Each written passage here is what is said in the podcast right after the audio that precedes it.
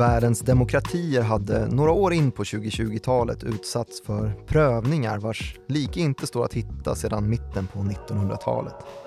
Genom prövningarna befäste nationalstaterna ånyo greppet om det främsta maktvapnet för att skapa samhällelig ordning, pengar. Det stärkta greppet för staternas penningmaktmedel, centralbankerna, hade dock inte skett i ett vakuum sedan kreditexpansionismens epok började i finanskrisens spillror 2008. Parallellt hade nämligen den digitala framfarten skett i häpnadsväckande hastighet och den modell kring papperspengar som vilade till grund för samhällsskicket ifrågasattes plötsligt med ny kraft av en ny generation digitala medborgare. Kryptovalutamanin och den libertarianska våg som sköljde över världen samtidigt som covid-19 tvingade fram statliga tvång och befäste myndighetskritik när valutasystemets förestående död också förklarades ligga nära. FTX-härvan blev under vintern 2022 det senaste beviset på det. Men frågan om kryptovaluta förblev svårlöst, omtvistad och kontroversiell. Och därför beslutade sig Follow the Money som görs av IGs marknadsanalytiker Martin Nilsson och nyhetsbyrån Direkt utrikeschef Joakim Rönning för att riva upp nya sår i den här infekterade debatten efter att metafysiska stickningar i byrålådan förvandlats till fysiska. Kan det vara så att komplexitetens omfattning gömmer hot mot demokratin bakom löftet att kryptovaluta ska skapa total frihet? En mastig fråga ju, men eh, först och främst eh, undrar jag egentligen, du kanske hörde att jag sa utrikeschef istället för utrikesredaktör som brukade vara din titel? Jag svarar ja. Har du blivit eh, rikare eller vad står på? Du undrar om jag fått en löneförhöjning som är större än inflationstakten 10,9% ja. På den frågan svarar jag skit i det du. Ja, all right. eh, fråga nummer två, innan vi dyker ner i det här, blir ju såklart varför har det varit ett, eh, ett två veckor långt uppehåll i, i poddandet? Uh, för att jag har ett till nytt jobb mm -hmm. som fanbärare i föreningen för livströtta. Ah. Nej men jag har varit sliten helt enkelt. Och, jag förstår. Och det är rätt ansträngande det här med finansmarknad ibland. Mm. Och jag vet inte om det var en slump bara att, att det sammanföll med FTX-kollapsen som vi ska prata om i det här avsnittet såklart. Mm. Och vi kan tycka att vi var lite sena på bollen här men det är nog bra att vara det, tänker jag. För det var väldigt mycket oklarheter där i början kring FTX-härvan som nu är rätt uh, utredda, tycker jag. Så man kan ju dra en del slutsatser tidigt. Ja, det är ju ofta en liten... tidigt. Det här kommer ju rulla på nu lång tid framöver. För det liknar ju i väldigt mångt och mycket många av de andra finansskandalerna som ju ganska nyligen till exempel genom Elizabeth Holmes har rullats upp i uh, rättegång och dylikt för det här kommer ju nog också göra det vad det lider. Mm. Så Elizabeth vi... Holmes, då pratar vi Theranos bedrägeriet. Ja, kan man ju fördjupa sig om man vill. Mm. Där har det ju funnits ganska mycket uh, olika poddar och serier ja, man kan följa om man vill det. Superspännande sväng. historia, det har ju vi pratat om ja, exakt. Mm. Uh, det blir ju lite svårt här med med tajmingen. Antingen så är man allra först på bollen och då får man inte riktigt in allting. Jag är stolt över att inte här. Ja, men det, det, känner jag också att vi ligger i en ganska bra slott just nu. Ja. För att eh, vi ligger ändå innan eh, P3 Dokumentär, den lär väl komma ut om, om ett år och sen så halvt år. Ja, men, om tre år så kommer Jonah Hill spela eh, Sam Bankman-Fried. Ja, det vet ju alla redan. Ja. Det kommer ske. Um... Eller Edvard Blom kanske, han är också rätt lik. Ja, Sam Bankman-Fried. Vi kommer in på honom. Jag tänkte att vi ska avslöja också att det här kommer ju bara in, absolut inte bara handla om FTX-härvan så man behöver inte stänga av bara för att vi pratat lite om det nu här i början. Mm. Det här kommer ju som introt kanske varslade om ge en uh, djupare helhetsbild om det här ämnet som ju är så jävla jobbigt att prata om. Mm. Och det här med metafysiska stickningar och fysiska stickningar i kroppen, det är kanske ja, det jag drabbades av. Kan du utveckla det lite? Härvan briserade. Nej men eh, när man sitter i en finansmarknad så kan man ha lite så här stickningar som man kallar det. Alltså någonting som man inte gör i sitt dagliga arbete men som man kanske tar upp emellan rapportperioder eller så här. En liten text som man bearbetar Ja men precis, ett litet case som man, som man lyfter lite nu och då och ger lite, ja men man tror att man är någonting på spåren liksom. En liten granskning eller en liten förklarande analys om någonting som man tror rent magkänslomässigt ligger nära till hands och ja, titta lite in i kristallkulan liksom. Mm, just det. Men jag har skissat på en utläggning om det här med kryptovalutamarknaden i flera år och inte riktigt vågat eller orkat komma till skott för att det är så djupt politiskt och svårt och att folk i största allmänhet är ganska motvalls framförallt när man tillhör vår generation Mm. och det är ju du till exempel Jag tillhör vår generation. Ja, det gör du Ja, Men inte du. Ja, jo det gör jag, men jag är ju en kontrarian då kanske så att eh, nej jag tillhör inte vår generation om det ska pratas kryptovaluta positivism direkt Jag kan vara din, eh, din motvikt här då. Eh, Även om jag inte är bitcoin-maximalist. Så... Längre.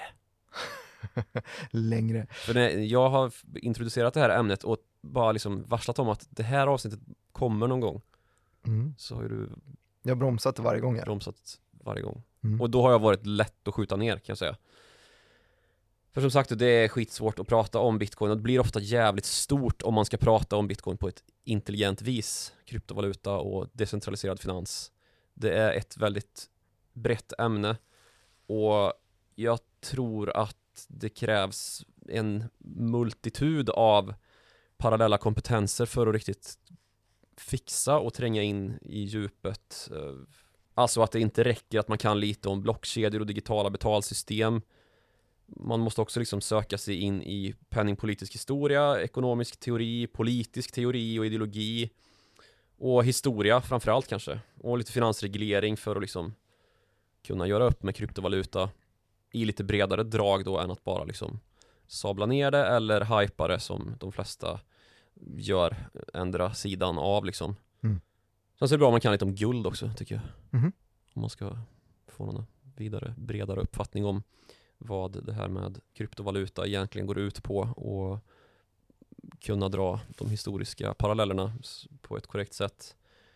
Jag tror också att det är liksom därför det har blivit så farligt och infekterat det här med kryptovaluta då, att det är så komplext. Det är inte liksom någonting som lätt låter sig avfärdas, men däremot så går all kritik att avfärda som okunnig med liksom orden läs på Mm. ungefär.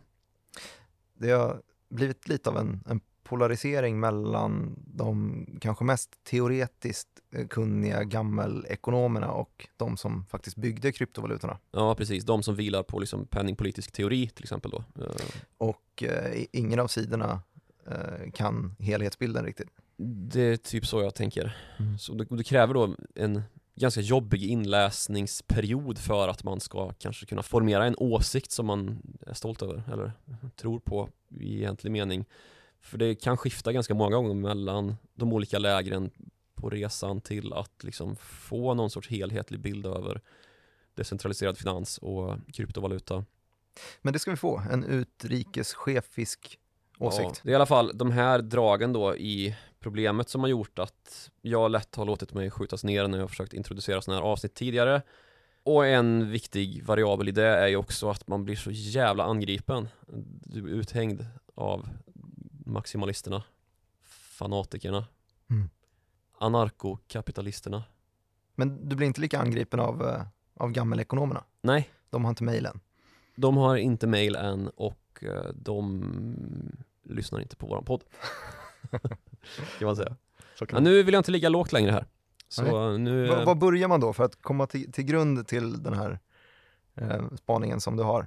Ja, men om vi ska frångå kritikerna lite grann då och eh, inte ta hänsyn till de som är liksom enögda, kanske investerat i krypto för att de har svalt konceptet och liksom tycker att de har gjort en bättre analys, vilket väl är fine. Så tycker jag att man får börja med att fundera på en viss typ av samhällspåverkan då, vilket det finns en del historiska exempel som det här påminner om om man börjar gräva lite i historiska penningteoretiska sammanhang då. För det man hävdar då är ju ofta att det här är verktyget som ska nyttjas för att vi ska nå en sundare framtid, en sundare pengar och att vi ska med hjälp av kryptomarknaden då som nyckel låsa upp en total frihet för medborgare i världens samhällen.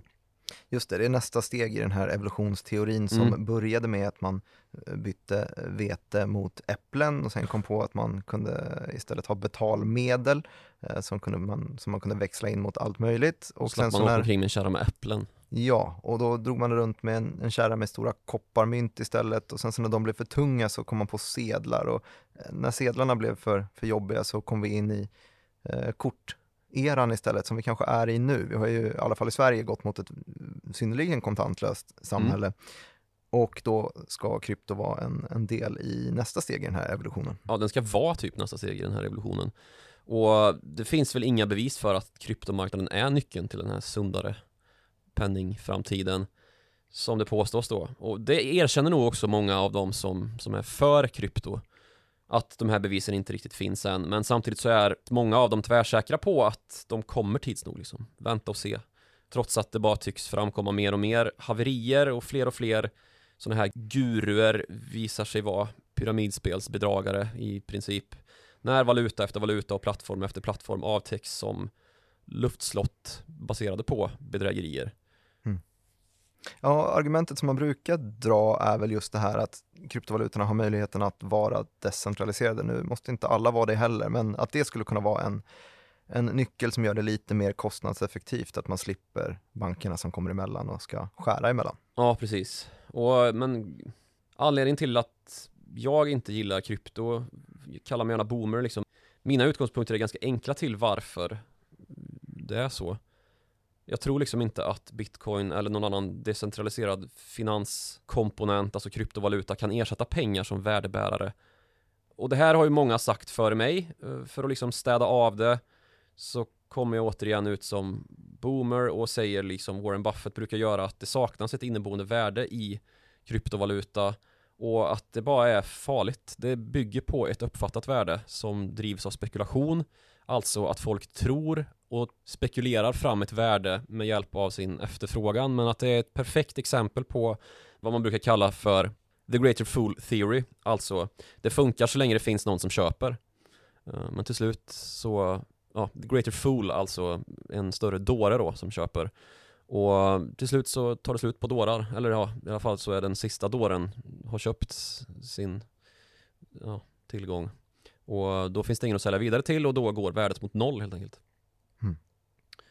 Och den grundläggande anledningen till att man kan säga att det saknas ett inneboende värde då är att bitcoin avkastar ju liksom ingenting så länge det inte finns någon som är villig att köpa dina bitcoins för ett högre värde liksom än du har köpt dem för. Men i, i fysisk verklighet så avkastar det inget praktiskt värde och då måste det för att det ska fungera finnas en maktinstans då som validerar att det ändå är värt någonting. Och det är ju där vi har i vårt moderna samhälle en stat som kommer in och just validerar ett värde då. Just det, för att eh, då menar du då att de eh, fiatpengarna som vi driver världen med idag, de avkastar heller ingenting, men då istället har man någon som backar upp det. Ja, precis. Och om vi då skulle ha pengar som inte baseras på en maktinstans som bestämmer över dess värde och istället då rasera den makt som nationalstaten sitter på i form av att kunna bidra till en ekonomi med någorlunda stabil valuta och genomföra penningtransaktioner i ekonomin med så fallerar ju allt i vår moderna världsordning. Då kan inte stater utkräva skatt, omfördela välfärd i samhället, upprätta infrastruktursystem och samordna en verklighet där vi utifrån en lagbok stiftat regler i en folkvald församling ju. För det är ju i vår mening då här i västvärlden den bästa typen av församling att göra sånt i. Samtidigt som det ju finns avarter som diktaturer som tagit samma makt över våldsmonopol i samhället och verkar på samma sätt då med penningsystemet fast bortom demokratiska synsätt eller demokratiskt styrelsesätt. Och vi vill ju inte hamna där. Och när man tar upp den här frågan så måste man ju då undra vad är det som ska ersätta staten då som den utgångspunkt för vad bitcoin är värt jämfört med hur amerikanska statens till exempel då förmåga att befästa värdet på en dollar att det faktiskt finns och är motiverat då för en bitcoin på samma sätt. Och det är ju i bitcoins fall den tekniska plattformen eller blockkedjan som det pratas om. Mm. Och då brukar det ju lyftas fram som ersättaren av fiatvalutan, alltså de pengar vi är vana vid idag för att skapa verkliga sunda pengar. Men hittills så är vi ju rätt långt ifrån det då. Vilket ju bevisas av eh, ja, kraftig volatilitet, att kryptomarknaden används för kriminella ändamål, att den är extremt energikonsumerande och där någonstans måste vi ju börja reda ut den utgångspunkt då som ju är om kryptovaluta verkligen är sunda pengar och här finns det ju också ett par motargument, ett par enkla svar på just att, att kriminella skulle använda det mer än, än andra. Det går väl att säga ungefär samma sak med kontanter vad gäller spårbarheten, att det är de kriminellas betalmedel. Vad gäller energiförbrukningen så behöver inte systemet i sig särskilt mycket energi för att gå runt, utan det handlar om ett belöningssystem för att miners ska fortsätta arbeta. Men i det långa loppet så behöver inte energiförbrukningen vara särskilt stor. Nej, men eh, hittills då i alla fall, om vi pratar nutid, så en bitcoin-transaktion använder ju samma energi som typ, vad är det, hur många hundratusen kreditkortstransaktioner? Så det är ju flera megaton koldioxid som, som läcker ut på grund av uh, bitcoin-transfereringar varje år liksom. Och det här är ju ett välkänt, en välkänd kritik som ju bland annat fick uh, Tesla att dra sig tillbaka från att använda bitcoin som ett giltigt betalmedel för att köpa bil. Så vi har tre stycken, eh, ska man säga, omogna punkter som fortfarande jäckar valutan. Volatilitet, ja. energiförbrukning och eh, eh, avsaknaden av spårbarhet än så länge. Det går ju att spåra men det, går att spåra, det, är, det är lite jobbigt. Ja, vilket ju också tar bort lite av finessen då med att skapa det totalfria samhället eftersom att det är ju inte totalt anonymt. Det kräver ju bara att du låser upp identiteten hos användaren. Då kan du spåra varenda transaktion han eller hon har gjort. Men om vi kommer tillbaka till själva utgångspunkten här. Sunda pengar, vad är det för någonting? Någonting som man inte slänger sig med så här i vardagen direkt. Nej, jag kommer att tänka på, på Riksbankens mål eh, egentligen. Ja. Det, där har de ju två stycken mål eh, och det är att eh, se till att valutan är någorlunda stabil och se till att den är säker. Mm. Och stabil uppnår man ju då med det här inflationsmålet som man har varit sådär framgångsrik med att följa på sistone. Eh, men just att eh, kronan ska tappa 2% i värde varje år. Och säkerheten är egentligen att eh, det inte ska kunna gå att förfalska utan att en sedel är en sedel. Mm. Det du beskrev nu, det är osunda pengar. Alltså. Nej men ungefär så här. Utgångspunkten sunda pengar, vad är det för någonting? Det är motsatsen till kommunism. Alltså idén om att pengars värde inte ska kunna kontrolleras av någon annan än dess rättmätiga innehavare, typ. Alltså, de kan inte spädas ut av Riksbanken eller centralbankschefen i något annat land som ju är en statlig myndighet, alltså en utomstående. Så fungerar ju våra pengar idag, som du beskrev. Att centralbankirer tillsatta av en regering eller någon annan sorts politisk församling med hjälp av räntejusteringar i mångt och mycket bestämmer över pengars värde. Mm. Och det här med att bryta loss penningvärdet från statligt inflytande är någonting som känns igen i historien. Alltså inget nytt för krypto. Och det har använts tidigare som ett försök att rasera samhällsordningar med. Jag hängde inte helt med. Alltså sunda pengar är total frihet då för den som har pengar. Och motsatsen är total ofrihet för den som har pengar. Alltså staten äger allt. Alla äger allting gemensamt genom staten. Det är ju kommunism ungefär i en enkel dragning. Och sunda pengar då, det är att du som individ har full makt över vad pengarnas värde är. Det finns ingen statlig instans som kan komma in och med hjälp av en räntejustering varken öka eller minska värdet av pengar liksom, som man kan göra med en styrräntehöjning eller som man kan finns ju liksom interventioner man kan göra för att skapa inflation också vilket man ju kan se om man tittar tillbaka i historien på mellankrigstiden till exempel Eller svenska kronan som har eh, tappat ja, värde. Eller just nu, ja precis. Över ja, all överskådlig tid. Ja, Nu är väl inte det bara resultatet av Stefan Ingves och hans gäng eh, Utan också av pandemi och eh, störningar i leverantörskedjor och sånt. Men det, ja, det finns ju en pågående debatt om hur mycket våra kvantitativa lättnader och sedelpress upphettning har bidragit till de 10,9 procenten som sagt. Ja, antagligen en del. En del. Okej, sunda pengar var den här extrema friheten och de osunda pengarna var när vi gick mot kommunism istället och du menar att vi ligger där någonstans mitt emellan med svenska kronan idag. Det gör vi. Eh, och, och hur relaterade det här till eh, en kryptovalutarörelse som försöker omforma vårt penningsystem? Men så här, bryta loss penningvärdet från statligt inflytande, det är någonting som vi har sett tidigare i historien. Och nu ska jag ge några exempel på hur tidigare rörelser då har nyttjat sig av fenomen i vår samtid för att driva igenom sina politiska agendor då i någon riktning med hjälp av konspirationsteorier. Så man har vid tidigare tillfällen känt att staten har för mycket makt över pengarna och förstör samhället genom att urvattna dem för mycket, kanske via en för expansiv penningpolitik som vi har sett just nu. Och då vill man ta tillbaks makten till den enskilda personen istället. Precis, alltså att man nyttjar sina inflytande muskler för att driva igenom en politisk eller ja, religiös agenda. Alltså åsikter som baserar sig på en övertygelse av något slag då. Okej, nu gissar jag att det blir, blir en historisk tillbakablick. Hur långt bak ska vi dra tillbaka klockan? Det är lite drygt 100 år. Ja, 1903. Är du bekant med eh, Sion Vises protokoll? även om jag är det så är det väl bäst att jag svarar nej. Ja, det är bättre dramaturgi i att svara nej på den frågan. Just det. Mm. Sion Vises protokoll, det är ett antisemitiskt dokument som tjänat som den främsta konspirationsteorin vi väl någonsin har haft i, i alla fall västvärlden. Hur då? Ja, men genom det att det har fått den största återverkningen på vår moderna historia då, av alla konspirationsteorier.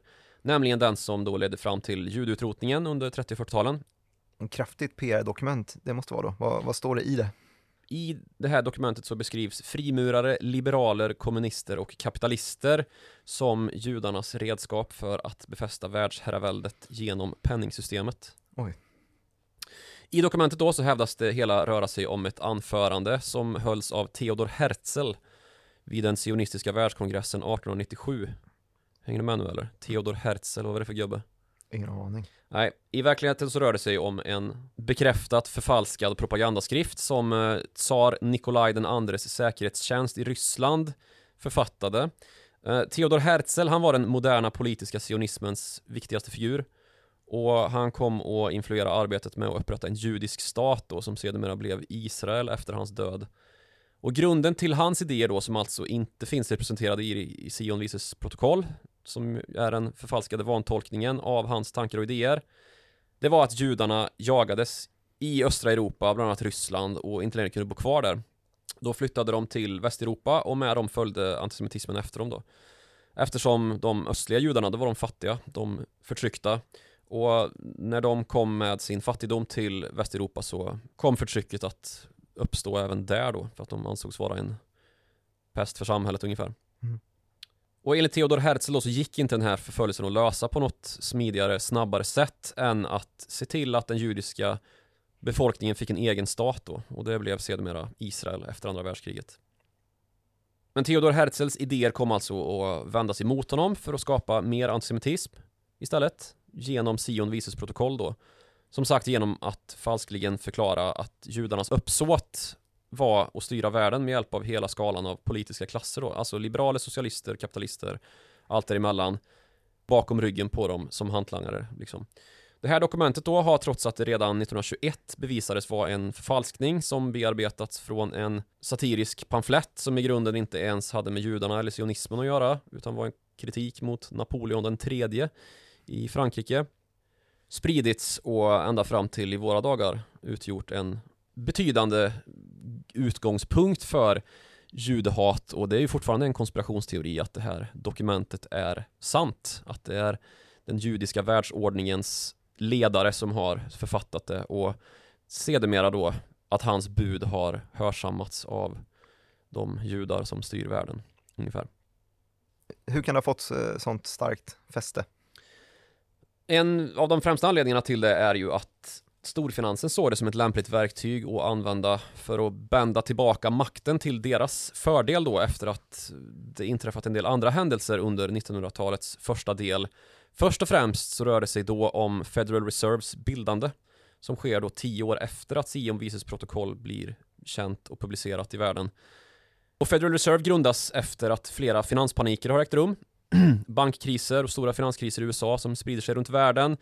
Och bankväsendet tappar liksom i trovärdighet. Och staten anser att nu måste vi stabilisera penningsystemet som anses vara korrupt. Och det innebar att valutastabiliseringen via ränteförändring kunde nyttjas då för att plana ut spelfältet kan man säga. Och staten har därmed då fått ett verktyg för att lugna marknaden med genom att möjliggöra fördelning och centralisering i det monetära systemet som ju var under konstant uppror där i slutet på 1800-talet ungefär med, med finanspanikerna i New York. Och det här innebar ju då att staten helt enkelt fick mer makt över pengarna som nyttjades i samhället, alltså så som vi har beskrivit det ända från början av det här avsnittet då i introt. Att det är det yttersta verktyget för att reglera samhället helt enkelt då, och jämlikhet och välfärd i ett land eller en krets av länder som EU till exempel. Och de som drabbades då när Federal Reserve bildades och den här, det här verktyget fick ökad betydelse, det var ju de rikaste, storfinansen och miljardärerna. Eftersom att deras tillgångar då plötsligt kunde spädas ut av centralbankirerna och statliga beslut som man såg det då. Mm. Och en av de som irriterade sig med tiden var en man som heter Henry Ford. Just det. Han pratade vi om ibland. Han, han byggde bil. Det gjorde han. Han var kanske världens mest kända, okända nazist också. Mm. Han finansierade spridningen av Sion Visus protokoll och var ju öppet nazianhängare. Fascist helt enkelt. Mm, det var ju ganska, ganska pikt att vara eh, fascist där under 30-talet. Det var ju inte ovanligt. Nej, det var det inte. Och under 30-talet så gick det så långt att den här näringslivsfinansierade antistatliga rörelsen då försökte genomdriva en kupp i USA och helt enkelt tillsätta en fascistisk diktator. Mm. Business plot kallas den konspirationen för. Där det diskuterades att avsätta president Roosevelt i en militär statskupp. Och med honom då naturligtvis Federal Reserve var en bärande anledning till det. Att alltså införa en fascistisk diktatur i USA var att Roosevelt diskuterat att överge guldmyntfoten, något som fick USAs storfinans då att kalla honom för en socialist som försökte ge subsidier åt fattiga genom att ta från de rika, precis som man gjorde i Ryssland, för där hade det ju varit en bolsjevikrevolution 1917 efter att eh, Nikolaj den andre som hade överinsett skapandet av Sion Visus protokoll hade avsatts och skjutits till döds med hela sin familj i en källare mm. ju, av Lenin och gänget. Det har vi benämnt några gånger i podden också. Ja, intressant historia där. Okej, okay, så, så, Federal Reserve skapas eh, 1913 13, mm. och det här är 30-tal istället. Sverige överger ju eh, första nivån av guldmyntfot på 30-talet också, 31 mm. tror jag. Och sen så var det väl någon form av guldmyntfot som hängde kvar genom Bretton Woods-systemet fram till början av 70-talet. Ja, stämmer. 71 övergavs den i USA ju och då var den väl den sagan all. Mm. Och sen dess så har vi bara tillförlitat oss på staternas trovärdighet för att, för att ge våra pengar ett värde.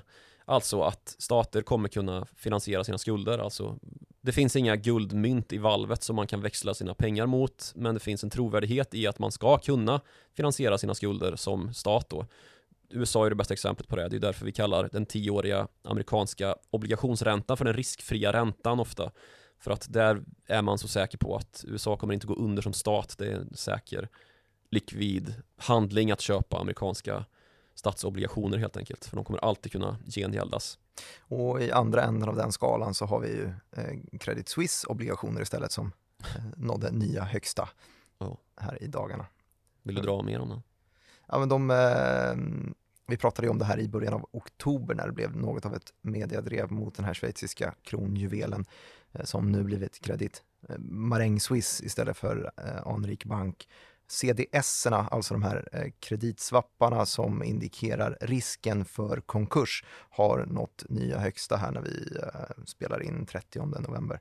Mm. Eh, och indikerar nog då alltså att på fem års sikt så är det över, över 25 procent chans eller risk, beroende på vilken sida man står på, mm. att den här schweiziska banken ja. kommer gå omkull. Jag tror inte på det där riktigt. Jag tror att de där CDS-erna lever sitt egna liv lite grann.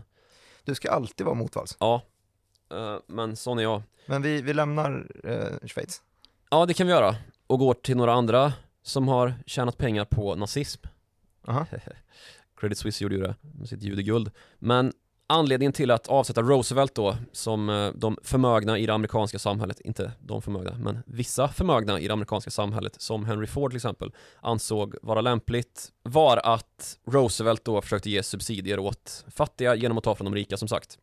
Och för att ge ytterligare stöd till de fattiga i samhället då som inte hade någon rätt till likvärdiga förutsättningar som de rika så inleds i ungefär samma veva här på 30-talet en rörelse som kommer att kallas för eugenik.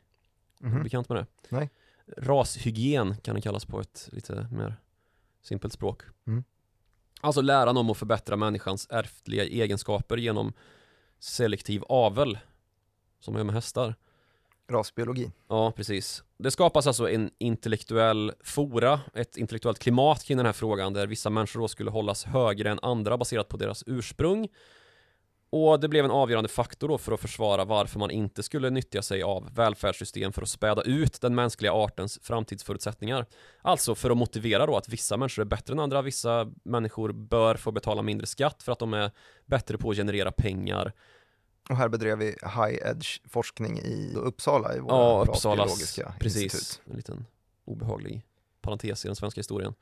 Och en betydande del i den här intellektuella miljön, som ju fortfarande finns, den representeras av total konkurrens och fria marknader.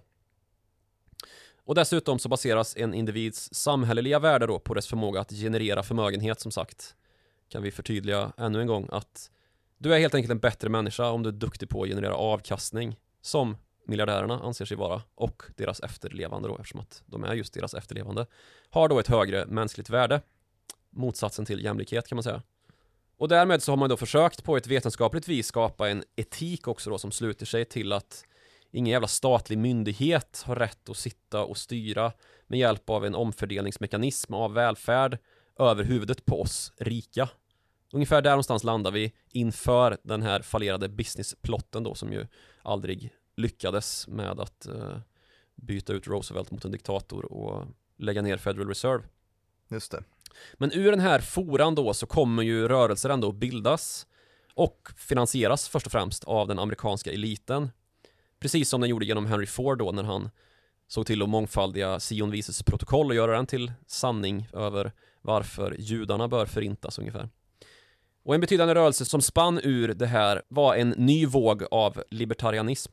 En rörelse som fått ett rätt rejält uppsving vilket väl kanske är ganska förutsägbart efter den finanskris som ledde till att centralbankernas makt ju ökade markant och vi fick den här kreditexpansionen vars like vi aldrig sett tidigare sedan 2008 då när finanskrisen ledde till så stor skuldsättning i det finansiella systemet att vi var tvungna att sänka räntorna markant trycka pengar för att möjliggöra för finansmarknaderna att fungera drägligt det har ju medfört ganska tydliga problem i samhället.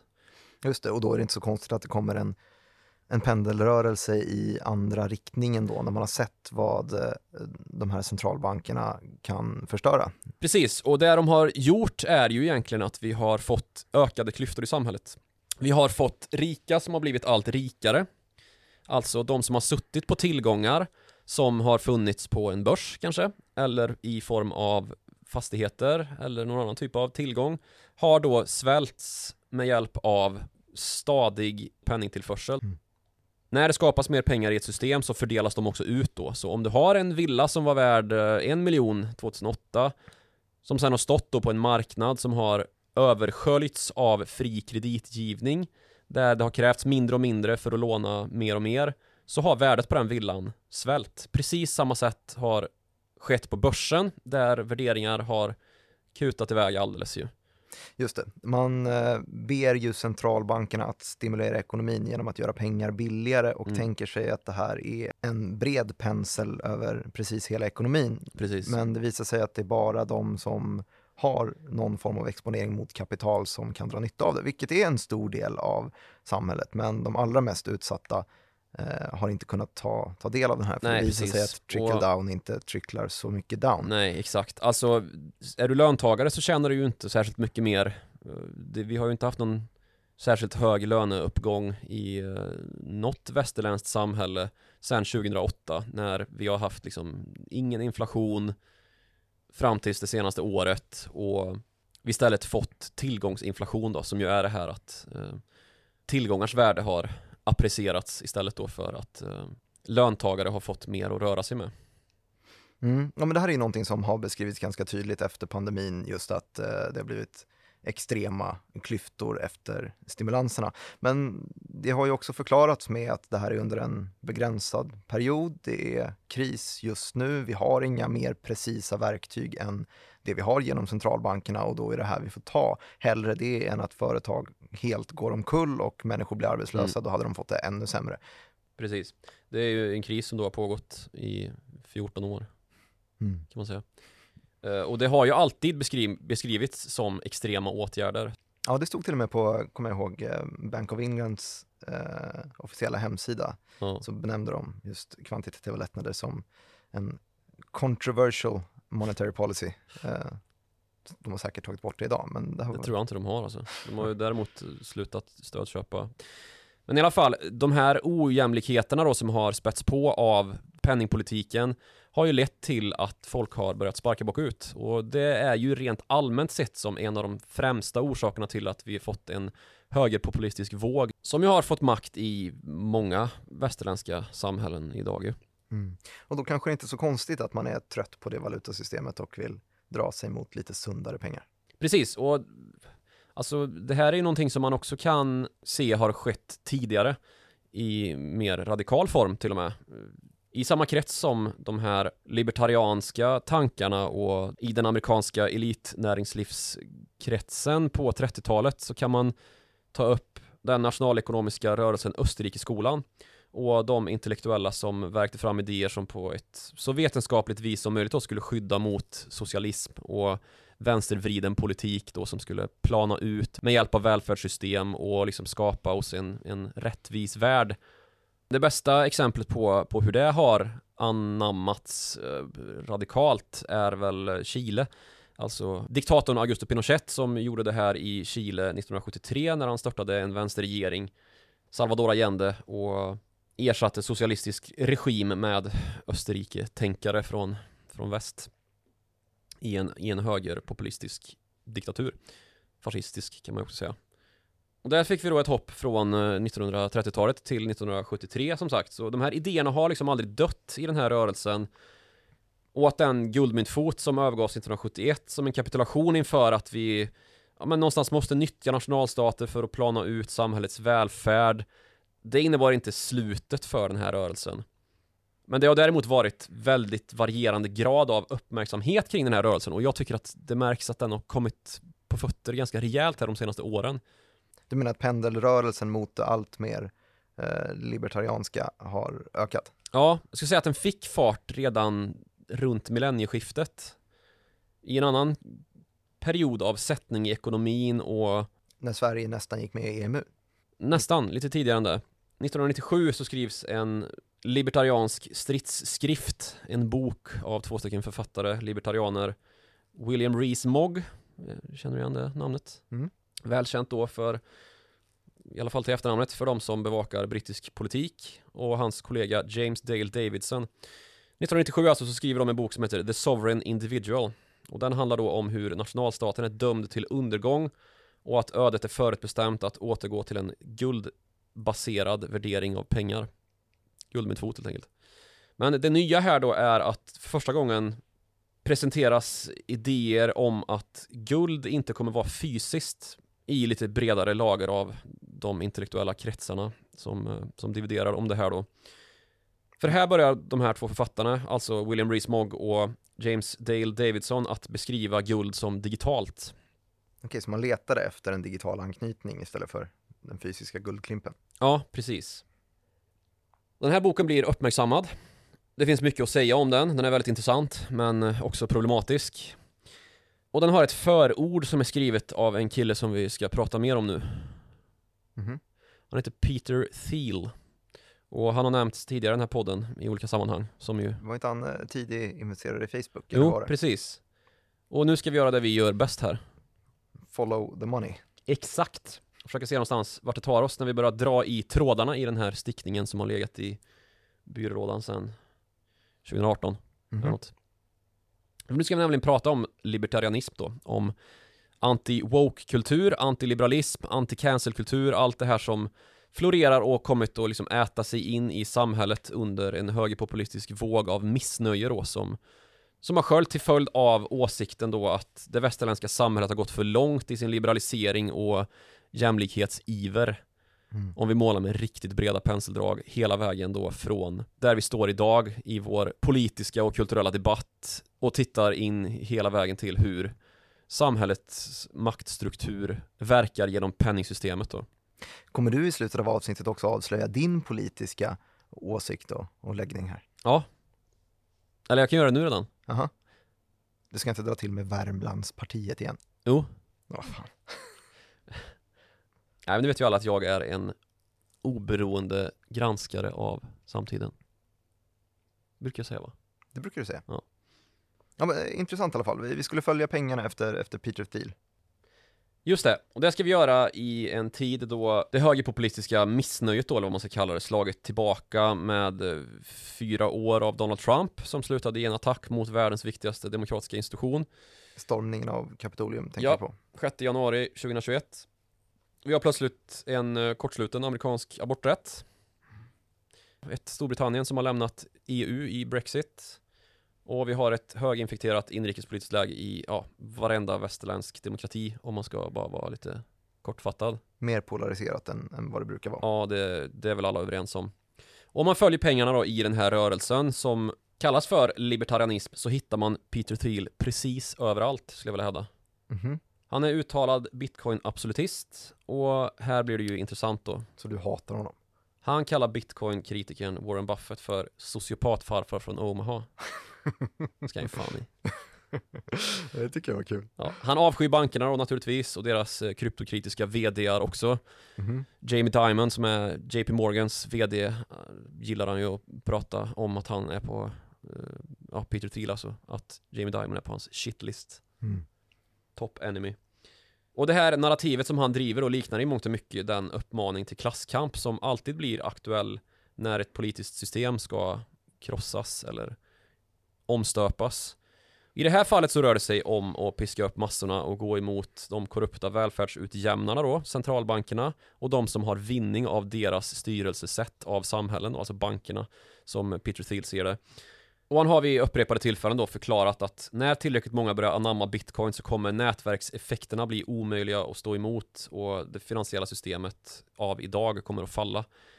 Alltså när de här barnsjukdomarna vad gäller bitcoin är lösta, volatiliteten är, är borta, energiförbrukningen är låg och eh, det finns säkerhet i det. Precis, då kommer det här liksom falla till förmån för mannen på gatan. Mm. Och det här används ju också då som det främsta lockropet till varför det är dags att komma in nu i bitcoin. Alltså, du måste köpa bitcoin nu.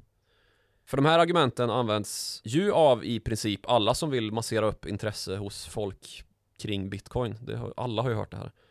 Det finns liksom otaliga rena scams där man nyttjat den här hypen då för att dra in folk med löften om att det är viktigt att komma in tidigt, göra entré liksom i bitcoinmarknaden eller någon annan kryptomarknad för att jag kommer göra dem förmögna. Och dessutom så finns det ju gott om exempel på det här som man kan hänga upp argumentet på ju.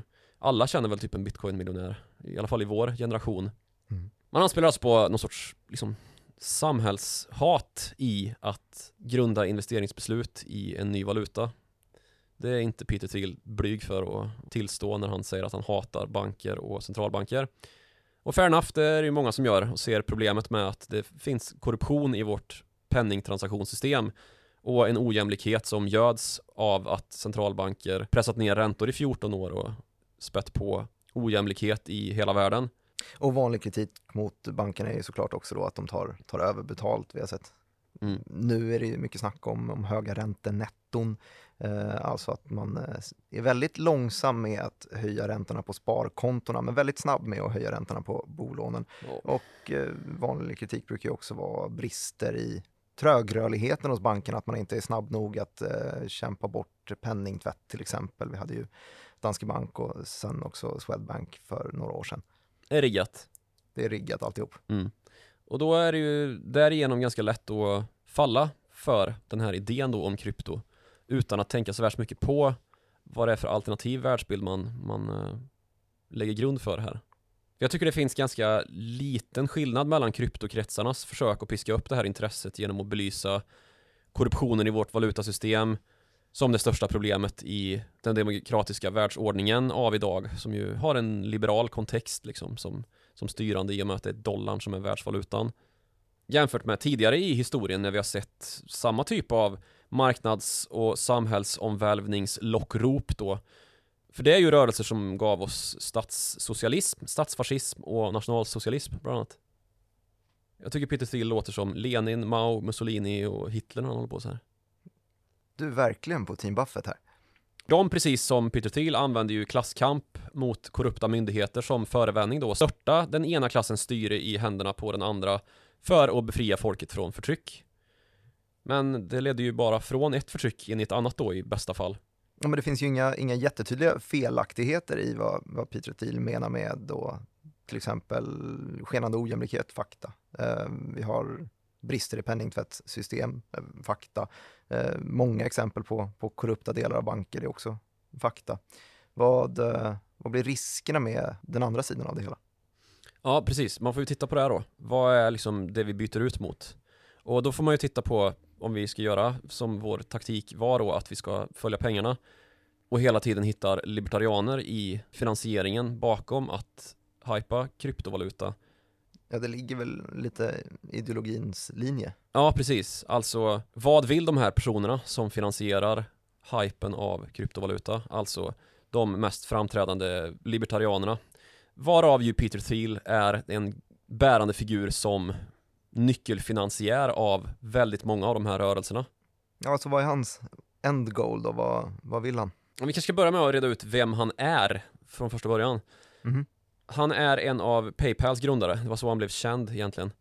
Han är tidig investerare i Facebook dessutom. Han är en stor republikansk bidragsgivare. Han bidrog till Donald Trumps makttransferering efter valet 2016. Och idag så är han väl kanske mest känd för att han har grundat spiondatabolaget Palantir. Mm. Han har tydliga kopplingar till alternativhögern, bland annat krafter som bidrog till stormningen av Kapitolium. Bitcoin-maximalist som sagt. Om vi börjar fokusera på hans politiska engagemang så har han stöttat replacement theory-politiker som J.D. Vance till exempel. Och replacement theory då grundar sig på konspirationsteorin av vår tid lite grann. Motsvarigheten till Sionvises protokoll nästan. Alltså den vita befolkningen byts ut via statliga bidragsgivanden som driver immigration och integration då. Um, var det någon form av kvotering för att eh, sänka makten hos den vite mannen? ja men precis. Um, och det här görs med hjälp av de verktyg som staten ju har tillskansat sig då genom penningsystemet, alltså bidrag. Att man försvagar vitas ställning genom att översvalla samhällen med ekonomiskt framförallt svagare befolkning. Det är det den konspirationsteorin går ut på. Så är det här bara USA då eller? Nej, hans arbete märks inte bara där utan också i Europa. Eh, Han har varit i centrum kring en skandal vid Cambridge-universitetet och en kampanj där flera antiliberala professorer och forskare skulle etableras i olika samarbeten. Och en av de här var den kanadensiske psykologiprofessorn turned självhjälpsguru. Vet du vem jag menar? Jordan Peterson? Yes. Spännande att Projektet få in då- honom. Ja, äntligen. Projektet avlystes efter att det visat sig att flera av de här professorerna då fanns representerade i sammanhang där så kallad vetenskaplig rasism lyfts fram som bevisat. Alltså att vissa människor är överstående andra baserat på ras. Och en av de inkopplade heter Charles Murray som har skrivit boken The Bell Curve som eh, kontroversiellt hävdar att svarta har lägre IQ än den ras som alltid av något magiskt skäl tycks vara den högst stående. Den vita? Ja, precis. Och därmed så ska ju också då, om man följer den här tankebanan hela vägen ut, vita premieras med högre tillgång till rättigheter och inte behöva betala lika mycket skatt. Människovärdet är alltså inte okuvligt i det, enligt den här teorin utan baseras på ras och prestation utifrån ras. Det är ju ett eh, narrativ som har adapterats av extremhögern och därefter gått mot normalisering inom alternativhögern via att man göder in de här idéerna i via vad som uppfattas vara de mest hårdföra extremfallen av brott mot sanning och verklighet. Sådana frågor som att eh, det problematiseras om män verkligen måste vara män, om kvinnor verkligen måste vara kvinnor. Alltså frågor som hbtq och transkultur lyfts som något bekymmersamt. Genusforskning ses som något direkt farligt och en liberaliserad hjärntvätt som skadar våra kommande generationer av barn då. Känns det igen det här tycker du? Det, det var lite likt det du pratade om i, i, i början av avsnittet. Det är ju samma sak. Och någon ligger bakom det här och nu måste de stoppas, alltså Liberalerna måste stoppas. Narrativet känns ju igen oavsett om det är politiskt eller religiöst grundat. Det är ju liksom samhällsordningen man ska störta. Vilken gren av politiken det är som, som regerar är egentligen ointressant. Vara månde socialism, kapitalism eller liberalism då, eller en kombination av alltihop som vi har nu. Och det som är väldigt intressant med just Peter Thiel är att han är en av vinnarna på den här utvecklingen via sitt engagemang i big tech-bolag då. För han är ju en av de, jag tror att han är till och med den första externa investeraren i Facebook. Och big tech-bolagen är ju några av vinnarna, alltså globalister inom teknikbolagen. Vi är lite grann inne på samma diskussion som vi var i avsnitt om eh, totalitär naivitet och globalistisk cynism. Mm. Peter Thiel är väl i en sån uppdelning som man väl kanske inte ska göra egentligen. En man som har nyttjat en förförståelse av det här läget där han anser att liberalismen har gått för långt och slagit dank av det helt enkelt, gjort sig rik på det. För vad det som är intressant i det här är hur han har valt att angripa situationen då för att bända historien i rätt riktning, precis som näringslivseliten i 30-talets USA försökte göra. Så du menar att uh, Peter Thiel med vänner försöker åsamka någon form av business plot? Ja, men lite så. Peter Thiel förklarade i en uppsats som han skrev 2009 att han inte längre tror att frihet och demokrati är förenliga. Talar sitt tydliga språk. Och till stor del på grund av att välfärdsmottagare och kvinnor i allmänhet är ökänt tuffa för libertarianerna att vinna över. Alltså att de som krävs för att vinna ett val är emot libertarianismen. Som ju står för en del utgångspunkter som är svårförenliga med Demokrati. Ja, alltså man ramar ju in det som att det är total demokrati, men snarare så blir det ju som Peter Thiel säger, svårt att åstadkomma då, som något annat än dess motsats. Och därför så har han valt att fokusera kapitalsatsningar som han har gjort till ny teknik då för att förverkliga en frihetslängtan i cyberrymden via rymdkolonisering och genom att göra befästningar till havs som han skriver i den här artikeln från 2009. Där ser han då att han kan skapa ett nytt utrymme för frihet bortom det nuvarande politiska demokratiska landskapet. Och angreppssättet som Peter Thiel och hans krets då valt för att genomdriva det här är att vända det yttersta vapnet för demokratin, alltså yttrandefriheten, mot demokratin själv. Hur då? Ja, det bästa exemplet på det är väl hur han nyttjade Facebook för att uh, vrida valet till sin kandidats fördel 2016. Vilken inblandning hade I det? Det var Palantir, alltså hans informationsspionage eller dataspionage företag som stod för den psykografiska modell som nyttjades av Cambridge Analytica. Så Cambridge-universitetet och forskningsprojektet för att föra in lite schysst rasteori vid eh, etablerat universitet i Cambridge var alltså inte hans enda engagemang i Cambridge. Mm. De här psykografiska modellerna som Palantir då kodade nyttjades ju då av Cambridge Analytica som ett demokratiförgörande projekt eh, när man fick osäkra väljare att rösta på Trump och Brexit genom de massiva propagandakampanjer som genomfördes i sociala medier med data som köpts av Facebook, alltså där Peter Thiel en gång var styrelseledamot ända till dess att Trump-kampanjen blev så viktig att han avgick med motiveringen att ja, det var just så det låg till. Det är väl det perfekta exemplet på hur man nyttjar yttrandefrihet mot demokratin själv. Alltså att hans två bolag, Palantir och Facebook, kunde bidra till att vrida valet i hans favoritkandidats favör med hjälp av just yttrandefrihet, att sälja användardata för att utröna vilka väljare som man kunde få att tippa vågskålen i Republikanernas riktning på ett eh, nästan löjligt skickligt vis ju. Mm, Palantir är ju någonting som vi har snackat om tidigare i podden också ju. Vad, kan du beskriva lite vad det är för typ av bolag? Det är ett big data-bolag eh, i grund och botten.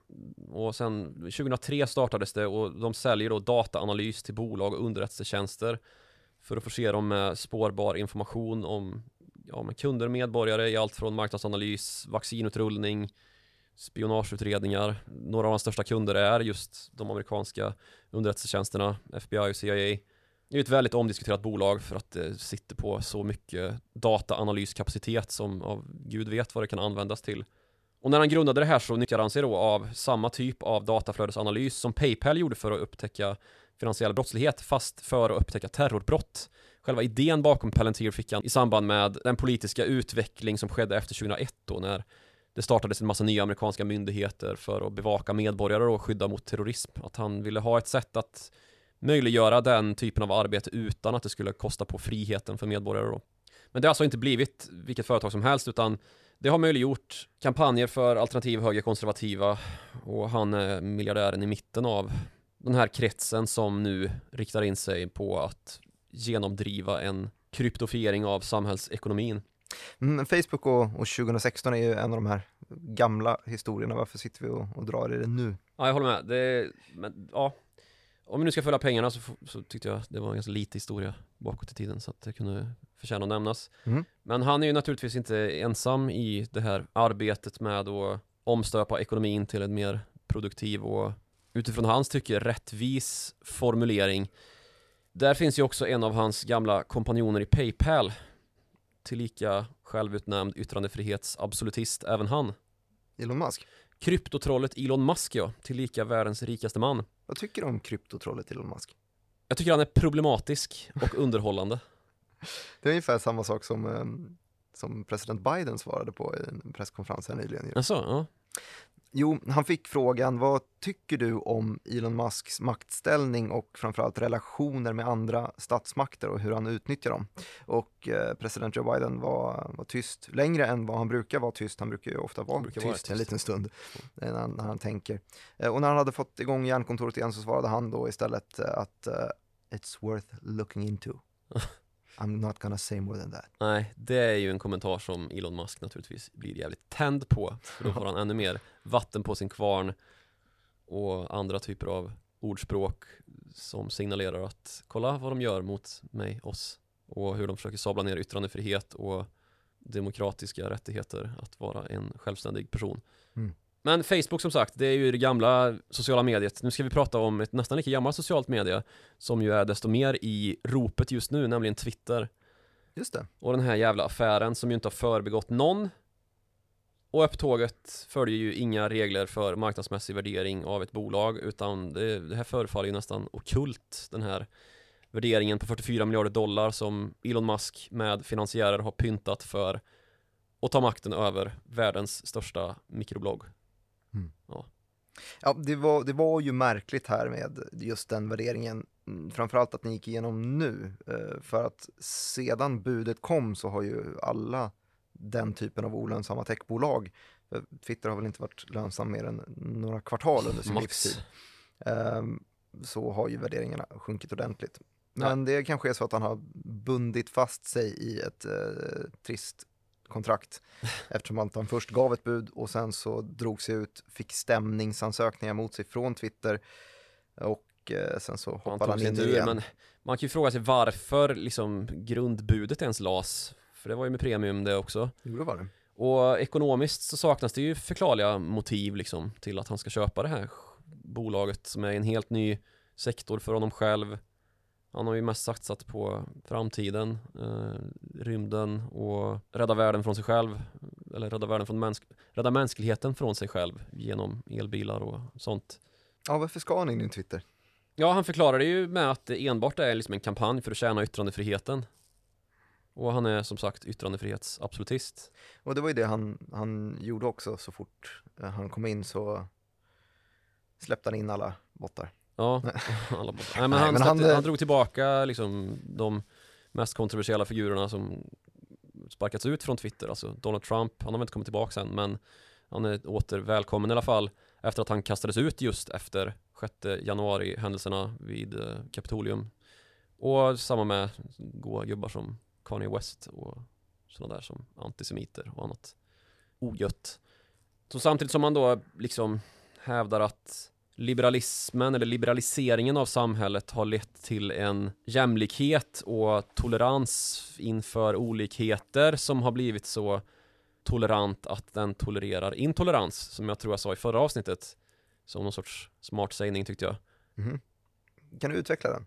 Ja men i grund och botten att man är så öppen inför olikheter att man tolererar beteenden som i grund och botten är intoleranta. Alltså man har överseende med kriminalitet och antisocialt beteende bara för att man är så tolerant och ska acceptera och förstå, liksom visa förståelse för att någon är snarare drabbad än drabbar andra eller att man drabbar andra för att man själv är drabbad snarare. Och att allting har en förklaring och vi måste kamma med hårs liksom även om beteenden är straffbara. Sådana stråk av utveckling attackeras ju då alltid av dess motsats som ju är acceptera inga stråk av orättfärdigheter i samhället överhuvudtaget trots att de har kanske förklaringar som, eh, som de kan grunda sig på det kanske inte är så absolut sant eller falskt att man kan lägga sig i någon av ytterkanterna av den här diskussionen för man hamnar ju alltid någonstans mitt emellan liksom att eh, det får bedömas från fall till fall liksom.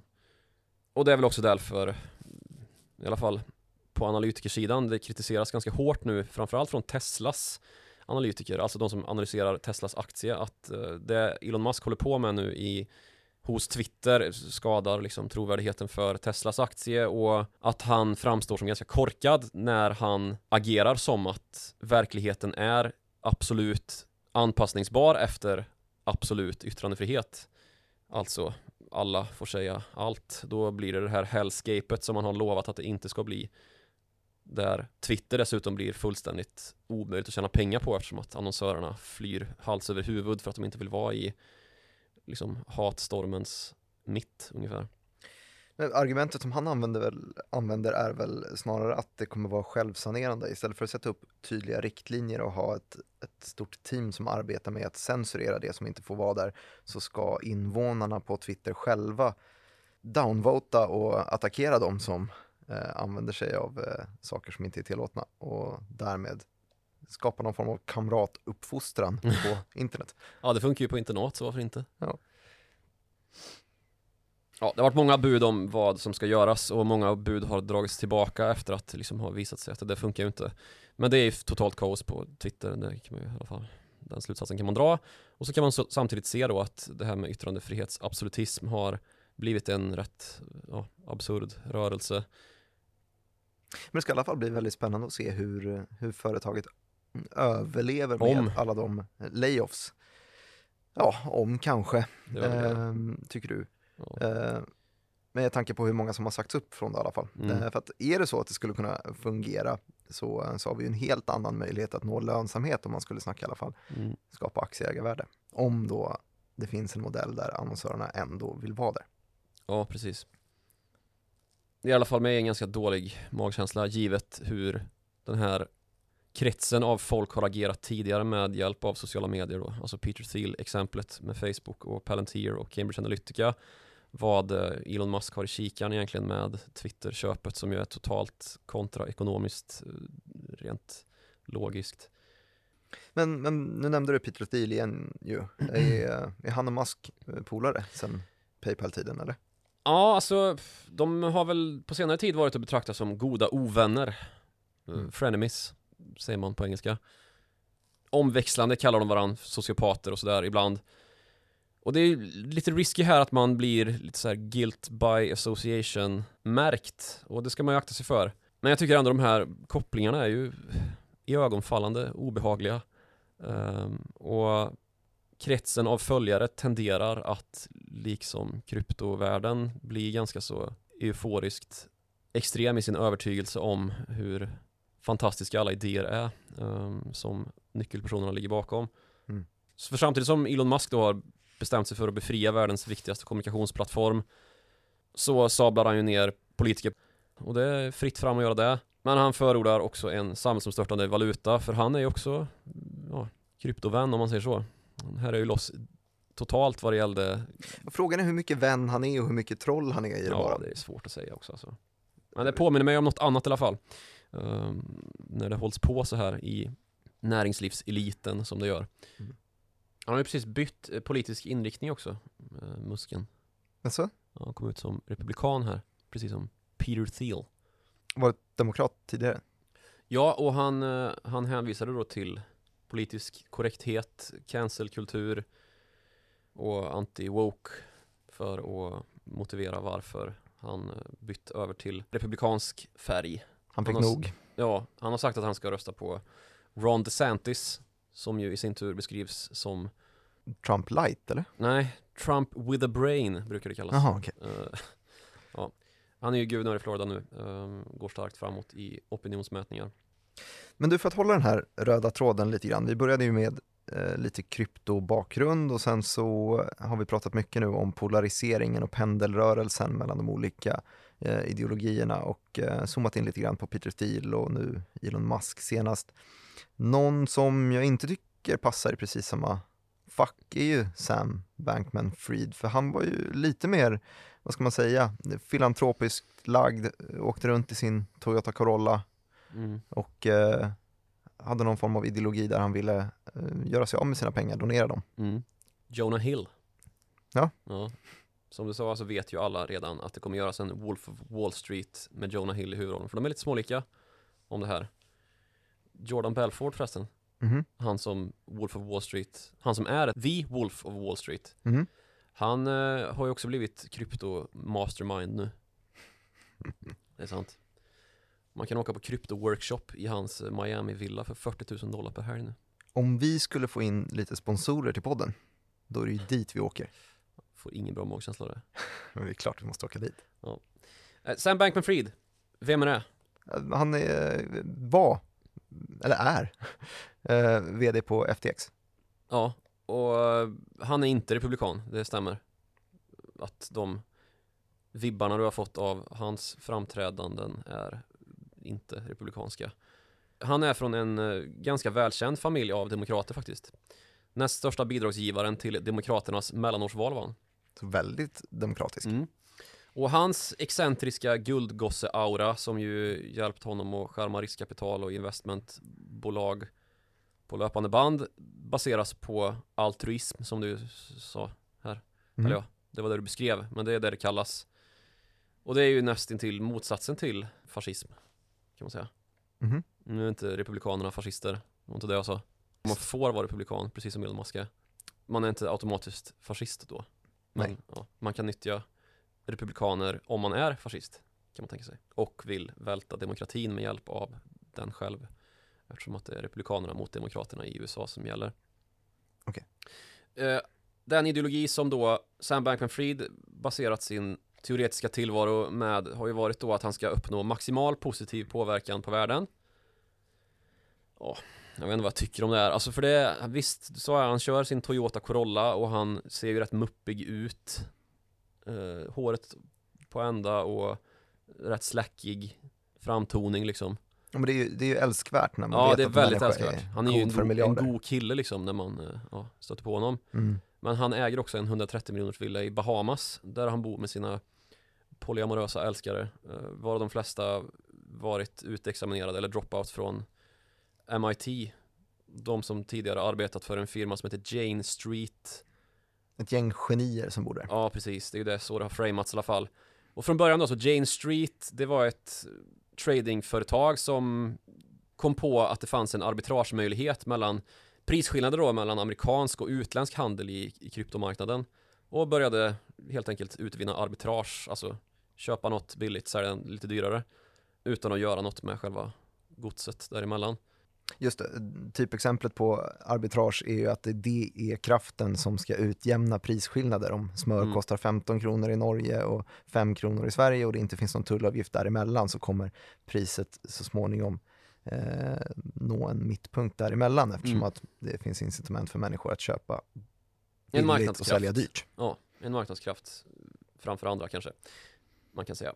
Och när han har varit på Jane Street ett tag så startar då Sam Bankman-Fried en firma som heter Alameda Research. En av de anställda på Alameda Research heter Caroline Ellison.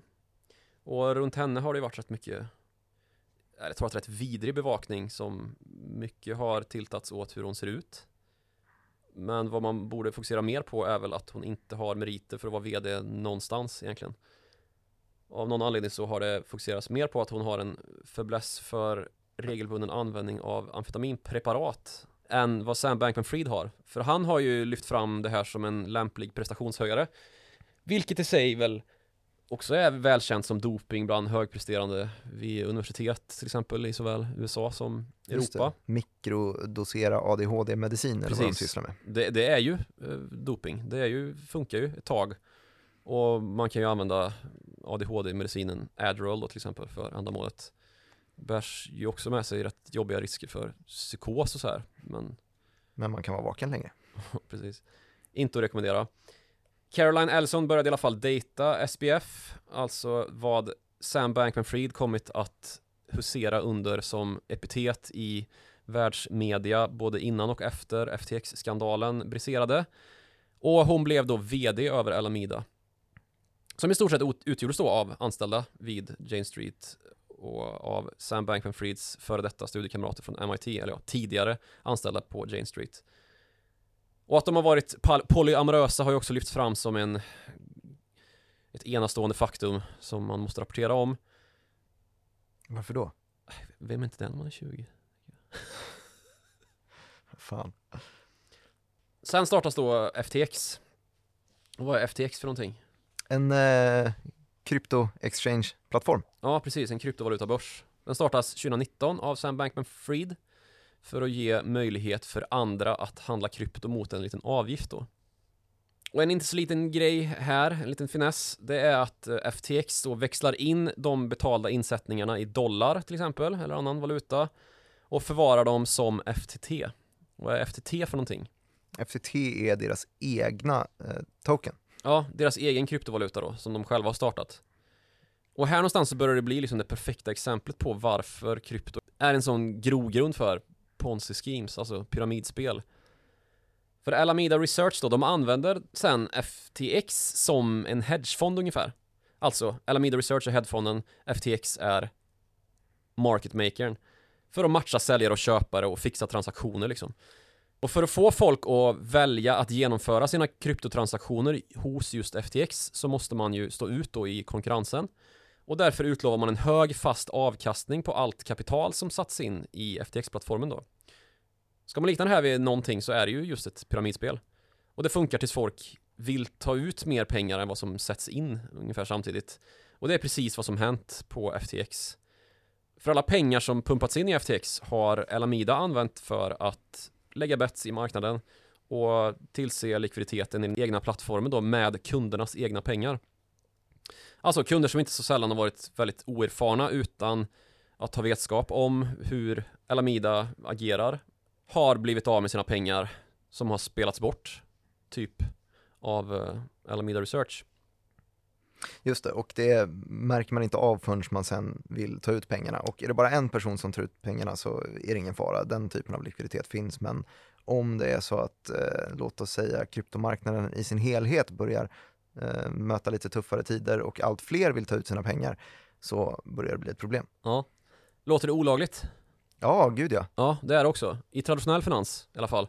Men det finns lite frågetecken här, för det saknas ju lagrum för krypto i mångt och mycket. Och var är det här gjort liksom? Vart har man suttit och gjort det här? Är det på Wall Street? Är det i 130 miljoners villan på Bahamas? Ja, precis. Det är i Bahamas där FTX har sitt huvudkontor och driftar dels en plattform för amerikanska kunder och separat då en för den globala handelsverksamheten. Och på så sätt så slipper man undan en del jobbig lagstiftning. Ja, eller? där sitter ju han nu liksom. Men däremot så kunde ju allt det här ske eh, mot då oerfarna privata kunder som lurats genom att Wall Streets riskkapitalbolag och investmentbolag har bidragit liksom. För den här geniförklarade bedragaren Sam Bankman-Fried, han lyckades ju få jättestora investeringar från Wall Streets finanshus. Bland annat världens största tillgångsförvaltare Blackrock, teknikriskkapitalbolaget Sequoia och vår favorit i investmentvärlden. Mannen med magkänslan, Yes, Masayoshi Son, Softbank. Japanska Softbank som ju har fingrarna i varenda syltburk och är sämst i världen på att förvalta pengar. Och då kan vi också dra slutsatsen att Credit Suisse är involverade här också eftersom att de är kreditgivare till Softbank. Ja. Och när det här korthuset nu då har rasat så har det såklart upptäckts att den här interna styrningen bland de polyamorösa unga älskarna i Bahamas har haft en del övrigt att önska då. Och Sam Bankman-Fried har ju styrt den här verksamheten som om det vore hans egen fideikommiss praktiskt taget. Sin egen fidva? Fideikommiss, gammalt feodalstyre kan man säga. Okej. Sorry. Alla ligger med alla, allt är en chimär vad avser ledarskapsstrukturer i FTX och organisationen finns liksom inte i praktiken. Ingen är chef över någon annan, mer än på något papper någonstans. Och de som opponerar sig mot Sam Bankman-Fried fick inte längre bo kvar i 130 miljoners villan i Bahamas. Det är så primitivt Raka det här. vägen ner i Toyota Corollan och dra därifrån. det, det, ja. det finns liksom inte ens någon styrelse att tala om här. Bara Sam Bankman-Fried och en jurist, praktiskt taget. Mm. Ändå har de här stora riskkapital och investmentbolagen valt att investera. Och allt det här, själva styrningen av FTX har skett bakom kulisserna. Samtidigt som Sam Bankman-Fried på scenen då liksom har eh, bjudit på en synnerligen färgstark uppvisning. För FTX har ju varit överallt alltså det senaste året. Det har ju varit liksom reklamkampanjer som aldrig tagit slut. Mångfald av kändisar. Amerikanska fotbollsspelaren Tom Brady är väl en av de främsta som har stått med mössa i hand nu för han har investerat hela sin förmögenhet på FTX. Måste han fortsätta spela fotboll? Han är väl 40 nu? 200 år gammal. Ja. Ja. Leonardo DiCaprio. Larry David. Hur fan kunde han sjunka så lågt alltså? Han gjorde ju Super Bowl-reklamen för FTX. Just det. Steph Curry, eh, basketspelaren i Golden State, där FTX är en eh, betydande finansiär. Listan kan ju göra lång med bagholders här alltså. Och vad är en bagholder om inte då en kändis som har tagit betalt i FTT som de har gjort, har det konstaterats. Många av de här kändisarna som har gjort reklam då. Eller till och med flyttat över hela sin tillgångsportfölj till FTX innan kollapsen som Tom Brady då ska ha gjort. Han är ju dollarmiljardär han, Mm. tänker jag. Ja, rik är han i alla fall. Eh, En av de mest framgångsrika quarterbacksen genom tiderna va? Och dessutom så har ju Sam Bankman-Fried börjat gräva med båda händerna i världspolitik på ett i efterhand oerhört komprometterande sätt ju. Vad kan FTX ha velat få ut av och finnas med i ungefär varenda världspolitiskt brännande fråga kan man undra. Mm. Ukraina-krisen, FTX blir transaktionspartner för att lämna ut kryptodonationer till ukrainska statskassan. Mellanårsvalet som sagt, som ju knappt ens var över när härvan small. Användes för att köpa politiskt inflytande. Och här kommer vi tillbaka lite grann till grundpoängen då med att man försöker verka genom det politiska systemet för att nå en förändring som ska gynna kryptomarknaden. Sam Bankman-Fried donerade 55 miljoner dollar till demokratpolitiker å ena sidan samtidigt som en av hans vdar donerade i sin tur 25 miljoner dollar till republikaner. Så lite dubbla allianser här. Men det Ja, handlar ju verkligen. naturligtvis, vad sa du? Nej, jag sa ja, verkligen dubbla allianser, ja. Men det måste ju handla om att man vill blidka makthavare helt enkelt. Öppna upp världen för att snart kommer krypto vara vad det bör vara helt enkelt.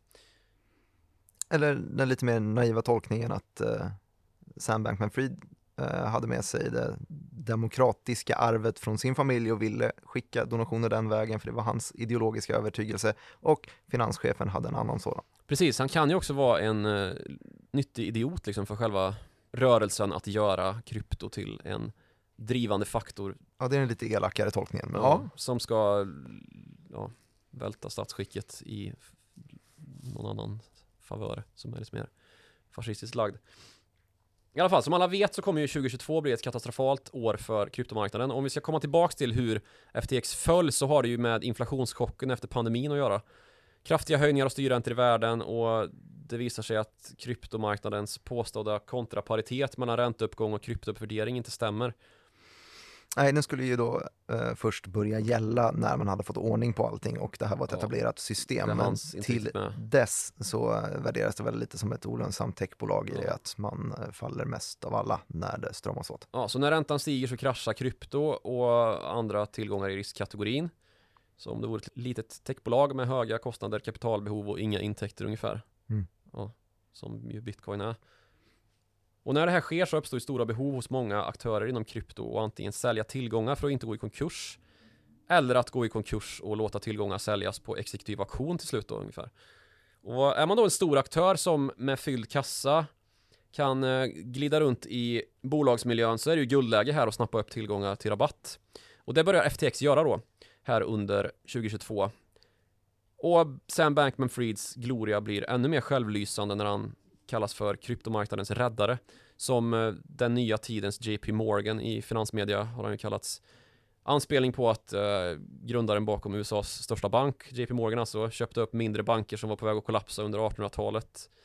Som vi berättat om eh, på ett liknande vis som Sam Bankman-Fried for fram i kryptomarknaden här under året. Det här är ju någonting som känns igen ju. Den nästa har ju varit liksom någonting som många har fått som epitet. Elisabeth Holmes har vi redan pratat om. Hon var ju nya Steve Jobs hon. Mm. Tyckte CNBC-galningen Jim Mad Money Kramer i en intervju. Vi har Shamat Palihapitiya, han skulle ju vara nästa Warren Buffett i Wall Street Journal innan spackbubblan sprack. Ja. Det är många här på Forbes 30 under 30-listan som kvalar in. Ja, fan, måste man vara kriminell, framtida kriminell för att få vara med på den där listan?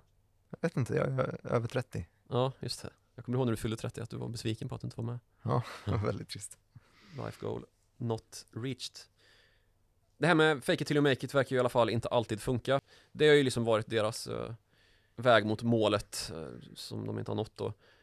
Och precis som med Theranos och Shamat Palihapitias SPAC-upptåg så finns det ju kopplingar till finansprofiler och kändisar som gör reklam för skiten liksom.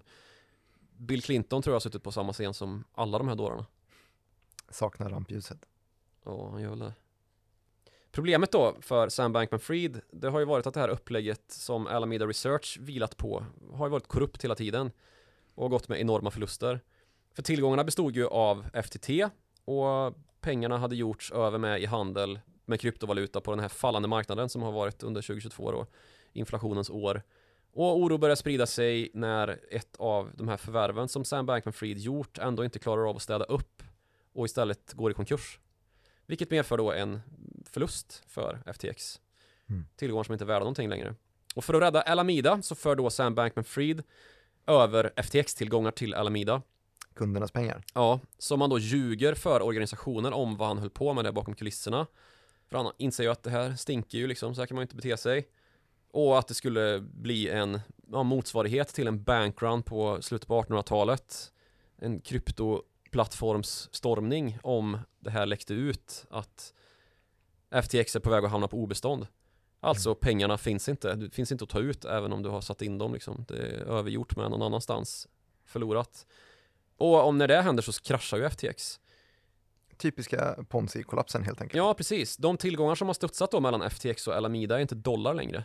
Det är bara skrivna värden i form av FTT då, alltså den egna kryptovalutan som växlas mot dollar som sen bränns upp i satsningar i marknaden och långsamt då blött ur den här plattformen under kryptoraset som har ägt rum under 2022. Och här blir det ju lätt att se problemet med krypto också tycker jag. Det FTX och Alameda har byggt på har ju inte varit pengar överhuvudtaget utan en egen påhittad kryptovaluta som inte har något värde som går att agera med i finansmarknaden längre.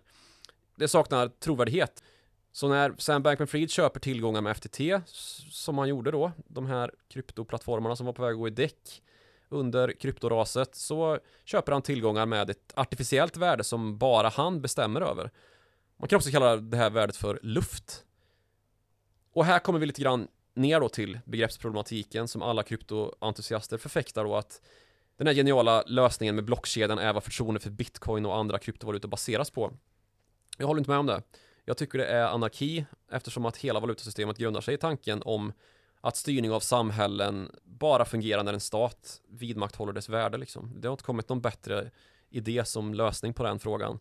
Vi betalar skatt i valutan, vi får lön, bidrag och betalar varor och tjänster i valutan liksom. Det är inget perfekt system, därmed sagt, men det är bättre än något annat tills vi kommer fram till något annat och givet att FTT är en företagsutgiven kryptovaluta så, så växer ju humorn i det här skämtet som är Sam Bankman-Fried ytterligare då. För trovärdigheten för FTT och FTX, alltså plattformen, vilar på liksom Sam Bankman-Fried, eh, hans polyamorösa Bahamas-älskare och ett gäng grundlurade kändismiljardärer. Så det, det är inte mycket att styra och reglera ett samhälle med liksom. Makt utgår från folket, eller i värre fall en diktator eller någon annan egenmäktig ledare i form av ett parti eller en regent. Men gud förbjuda så att ett företag skulle få ta över ett samhälle och ta ut böter och få oss att betala skatt. Det är ju just av det här skälet som det blev ett sånt jävla liv om Facebooks Libra-projekt här för några år sedan. Deras stablecoin är också en kryptoversion som skulle få oss att betala för varor och tjänster i den verkliga världen genom deras otaliga meddelande appar och sociala medieplattformar med en egenutställd valuta då i någonting som liknade Swish liksom, fast kopplat till Facebook. Tur att de kom på metaverse istället, kunde satsa där. Ja, bra det här blev. Det är helt osannolikt att det här skulle släppas igenom liksom. Och sen kan man säga att det finns skillnader och att det är att blanda äpplen och päron i en kryptomarknad med företagsutgivna stablecoins och bitcoin och ethereum och en massa andra valutor. Men faktum kvarstår liksom att makt inte kan vila på en teknisk lösning som inte involverar centralbanker och regeringar med ett våldsmonopol. För då blir det anarki via fascism och libertarianism i den fallande ordningen liksom. Sam Bankman-Fried kunde inte göra det liksom, säga kolla, här är det värt någonting och sen sälja det mot dollar som spelas bort på kryptobörsen. Det är ju liksom rakt av ett pyramidspel och det här var självklart redan ifrån i, i alla fall april i år. Låg du kort bitcoin under hela den här perioden? Jag, jag låg åsiktskort bitcoin som man kan höra i våra tidigare avsnitt. Men däremot, jag kan inte investera i hur som helst. För att du är utrikeschef? Jag är utrikeschef, Just precis. Men i april, kan du inte fråga vad som hände då? Vad hände då? Då framträder Sam Bankman-Fried i en podcast som Bloomberg gör som heter Odd Lots. Mm. Och där sitter han och presenterar ett upplägg kring kryptofarming. Vi ska inte gå in så mycket på det. Men det han berättar då om kryptofarming och deras idé om kryptofarming hos FTX det är då att Tänk att man har en eh, låda som man låter gå runt där man kan lägga ner lite pengar. Och så plötsligt får den här lådan ett marknadsvärde. Och av det här marknadsvärdet så kan man sen ta ut en avgift som insättare. Alltså ungefär som när man köper en obligation. Alltså du sätter in pengar och sen så kan du ta ut pengar när fler har fyllt på i framtiden. Alltså efter att de har fyllt på så finns det ju mer pengar där och då kan du ta ut din, eh, din tidigare insättning med lite ränta Men Multilevel marketing satt han Ja, det låter ju precis vad det är. Och det som fick mig bekymrad då var ju inte att det här är så jävla korkat att klockorna stannar utan det är ju att han sitter och skryter om det här. De här programledarna som då håller i den här eh, podcasten, Joe Weisenthal och Tracy Alloway, de ifrågasatte ju honom och, och undrar liksom vad, liksom, du är i ponzi-branschen och är rätt nöjd med det liksom. Mm. Och de skratt, det skrattas och skojas liksom. Men han är inte vem som helst när han sitter och säger det här utan en kille som sitter på ett företag värderat till 32 miljarder dollar. Och det förde mina tankar till eh, din favoritfilm The Big Short. Vilken scen. Scenen där Steve Carells rollfigur har beordrat, alltså han är ju hedgefondchef och han har då instruerat sina underhuggare att genomföra en granskning av bostadslån ute på fältet. Alltså gå ut till fastighetsmäklare, bolånegivare och intervjua dem, fråga liksom hur går det och vad händer? Mm. Och så återrapporterar de då att folk i den här subprime-härvan slipper fylla i hur mycket inkomst de har, vilket ju liksom ska borga för hur stora lån Just de kan det. ta. De lämnar fältet blankt. De lämta, lämnar den, det fältet blankt ja. Och det är flera då som vittnar om det här bland bolåneutgivarna. Och när de frågar, men varför gör ni så då? Nej, för att då kan vi ge hur stora lån vi vill ungefär. Och sen så paketerar vi om hela skiten i komplexa finansiella strukturer och så säljer vi dem till bankerna. Och det här sprider sig som en löpeld och så har vi subprime-krisen 2008 och en global finanskris. Um, och när Steve Carells rollfigur får höra det här då så, så, så, så säger han Men vänta nu, varför, varför sitter de och erkänner liksom det här? Det är ju det är ett brott liksom, är ju kontentan av det. Och hans eh, kumpan flikar in, nej nej nej nej, de, de erkänner inte, de skryter. Precis, de skryter. Det var precis vad Sam Bankman-Fried satt och gjorde i eh, april i Odd Lots. Mm. Äckligt tycker jag. Nu är det en utvikning där, men om vi ska återgå till FTX så, så framkom det ju till slut att Alamidas tillgångar bestod av det här imaginära värdet FTT, inte av dollar. Och då försvinner ju förtroendet på nolltid och vi fick samma typ av uttagsstorming som JP Morgan en gång fick se hos sina mindre konkurrenter som man sen köpte upp. Och det går oerhört snabbt att krascha skit då alltså. För när uppgiften om att FTX vilar på en lögn kommer och att inga av tillgångarna som ska vara kundernas är säkra så kommer då konkurrenten Binance VD och grundare Xiaopeng Chang att eh, vara den utlösande faktorn. Han är kanske mer känd under sitt initialakronym CZ och när nyhetsavdelningen på Coindesk börjar varsla om läckt information då som ge- ger svart på vitt att det finns bara FTT hos Alameda den här hedgefondliknande skapelsen under Sam Bankman-Fried så hakar CZ på då och då är ju raset ett faktum. Hur hakar han på? Han... han ställer sig först i ledet och säger att jag kommer kräva ut dollar mot de FTT som, som han har fått då för att få slut på en långvarig rivalitet som började med ett partnerskap där Binance köpte in sig i FTX. Han köps då ut från FTX och betalmedlet är FTT i stor utsträckning. Tillgångar värda flera miljarder dollar. Och när Xiaopeng Chang då och Binance börjar vräka ut FTT med bakgrundsinformation om att han var osäker på att eh, de här FTT-tillgångarna är värt någonting så inser ju alla att värdet är artificiellt. Ingen vill ha det och värdet går mot noll liksom. Eh, det är ju där det ska vara. Ingen vill köpa något som är helt värdelöst. Och Alameda kan då inte längre genomföra några transaktioner på FTX och eftersom deras tillgångar är värda noll så, ja, det kraschar liksom. Eftersom att Alamedas närvaro i marknaden är helt väsentlig då dessutom för att ordermatchningen på FTX som börsplats ska gå att genomföra Alltså som motpart i köp eller säljtransaktioner som, som de handlare som är där vill genomföra så ja, den stannar liksom, kryptobörsen stannar mm. och det går inte längre att göra några uttag som då snabbt uppgår till 9 miljarder dollar och de likvida tillgångarna, alltså det faktiska dollarvärdet i valvet, det är en tiondel av det, 900 miljoner ungefär. Och så fortsätter spiralen med att FTX hackas och ytterligare 600 miljoner dollar stjäls. Stjäls undrar jag alltså. Du tror att det, de där 600 miljoner dollarna går att hitta i en villa i Bahamas? Ja, alltså det här liknar ju mer än något annat ren jävla penningtvätt alltså. Total avsaknad av interna kontrollsystem har man också kunnat konstatera för det är läckt från de anställda nu på FTX interna chattar och det är ju ett riktigt eh, dagis det här alltså. Lån har delats ut till bolagets höjdare på flera miljarder, fastigheter förvärvas av FTX men får bolagets nyckelpersoner som ägare på kontrakten. Alla pengar som betalats in av kunder som använder plattformen hamnar i en stor fet slaskfond bara liksom som Alameda gör vad de vill med. Och den hamnar inte på balansräkningen alltså som ska vara kassavalvet liksom. Så det har ju rått totalt kaos och ingen har brytt sig om att kolla upp vad fan det är som händer innan man har gett bort pengar till den här skiten, alltså Softbank och gänget. Och vad än värre är så har ju liksom media myst till det rejält med Sam Bankman-Fried som ju, jag vet inte hur många porträtt det har gjorts av den här excentriske, mysiga snubben. Han har varit på fram, framsidan på Time va? Överallt har han varit på framsidan. Mm. Och myndighetskopplingarna är ju inte heller oproblematiska. Gary Gensler, alltså SECs generaldirektör, motsvarande svenska finansinspektionen, finns ju på bild liksom med eh, Sam Bankman-Fried och vad de har pratat om vill han nog inte att någon ska veta.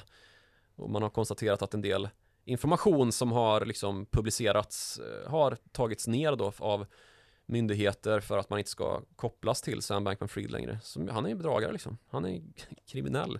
Det skulle förvåna mig ypperligt om inte han får sitta i rättegång eh, ganska snart. Och så får vi ju den här smittspridningen då eftersom att eh, så många kryptoinvesterare har litat på Sam Bankman-Fried och haft sina tillgångar där utan vetskap om att det egentligen rör sig om att de sitter på värdelösa FTT-innehav samtidigt som deras verkliga värden i dollar bara spelats bort i hjärndöda satsningar utan riskhantering i den här icke-organiserade polyamorösa älskogen så har ju smittan spritt sig då i kryptovärlden. Flera konkurser redan liksom dagarna efter att det här fallerade och mm. inte bara rena kryptofirmor som drabbas utan pensionsfonder, riskkapitalbolag och dylikt och uppskattningar finns om att värdeförstörelsen är upp mot 50 miljarder dollar. Och det kan man jämföra med tidigare skandaler av liknande snitt och inse att det är gigantiskt det här alltså. Det var i och för sig en annan tid men när Enron gick bankrutt så då uppskattade man att det rörde sig om 23 miljarder dollar i brända tillgångar som folk försökte få ut men som inte längre fanns. Det är ju inte hälften av det här. Mm. Och till skillnad då från sånt som alltså andra pyramidspel som har blivit stora härvor som, som alla känner till, Bernie Madoff till exempel. Där rörde det sig om liksom en ändå i den lagliga ekonomin så att man kunde återbörda stora delar av det som har gått om intet då som ju gick att hitta i skatteparadis. Jag tror Madoff-skandalen renderade väl 20 miljarder i, i förluster åt folk men sen kunde åtminstone 15 miljarder av dem återbördas från skatteparadis då genom rättssystemet. Här kommer det ju bli väldigt svårt att återbörda mm, något alls. Så för att på något sätt följa den här tråden som inleddes med att besöka dina kritiska punkter mot kryptosfären och sen tog oss tillbaks politiskt hundra år ungefär för att prata om tidigare polariseringar i samhället och eh, libertarianska vågor. Så... Men rörelser som vill ja, förgöra samhällsstrukturen som den ligger just nu, den demokratiska. Just det. Och sen så har du ett exempel på eh, riskerna som uppstått och eh, grogrunden för sådana här pyramidspel som FTX ju har varit. Så är din kontenta i kritiken mot kryptovalutor att samhället kommer inte acceptera det? Nej, eller ja, det osar katt och man vet väl att det kommer inte accepteras.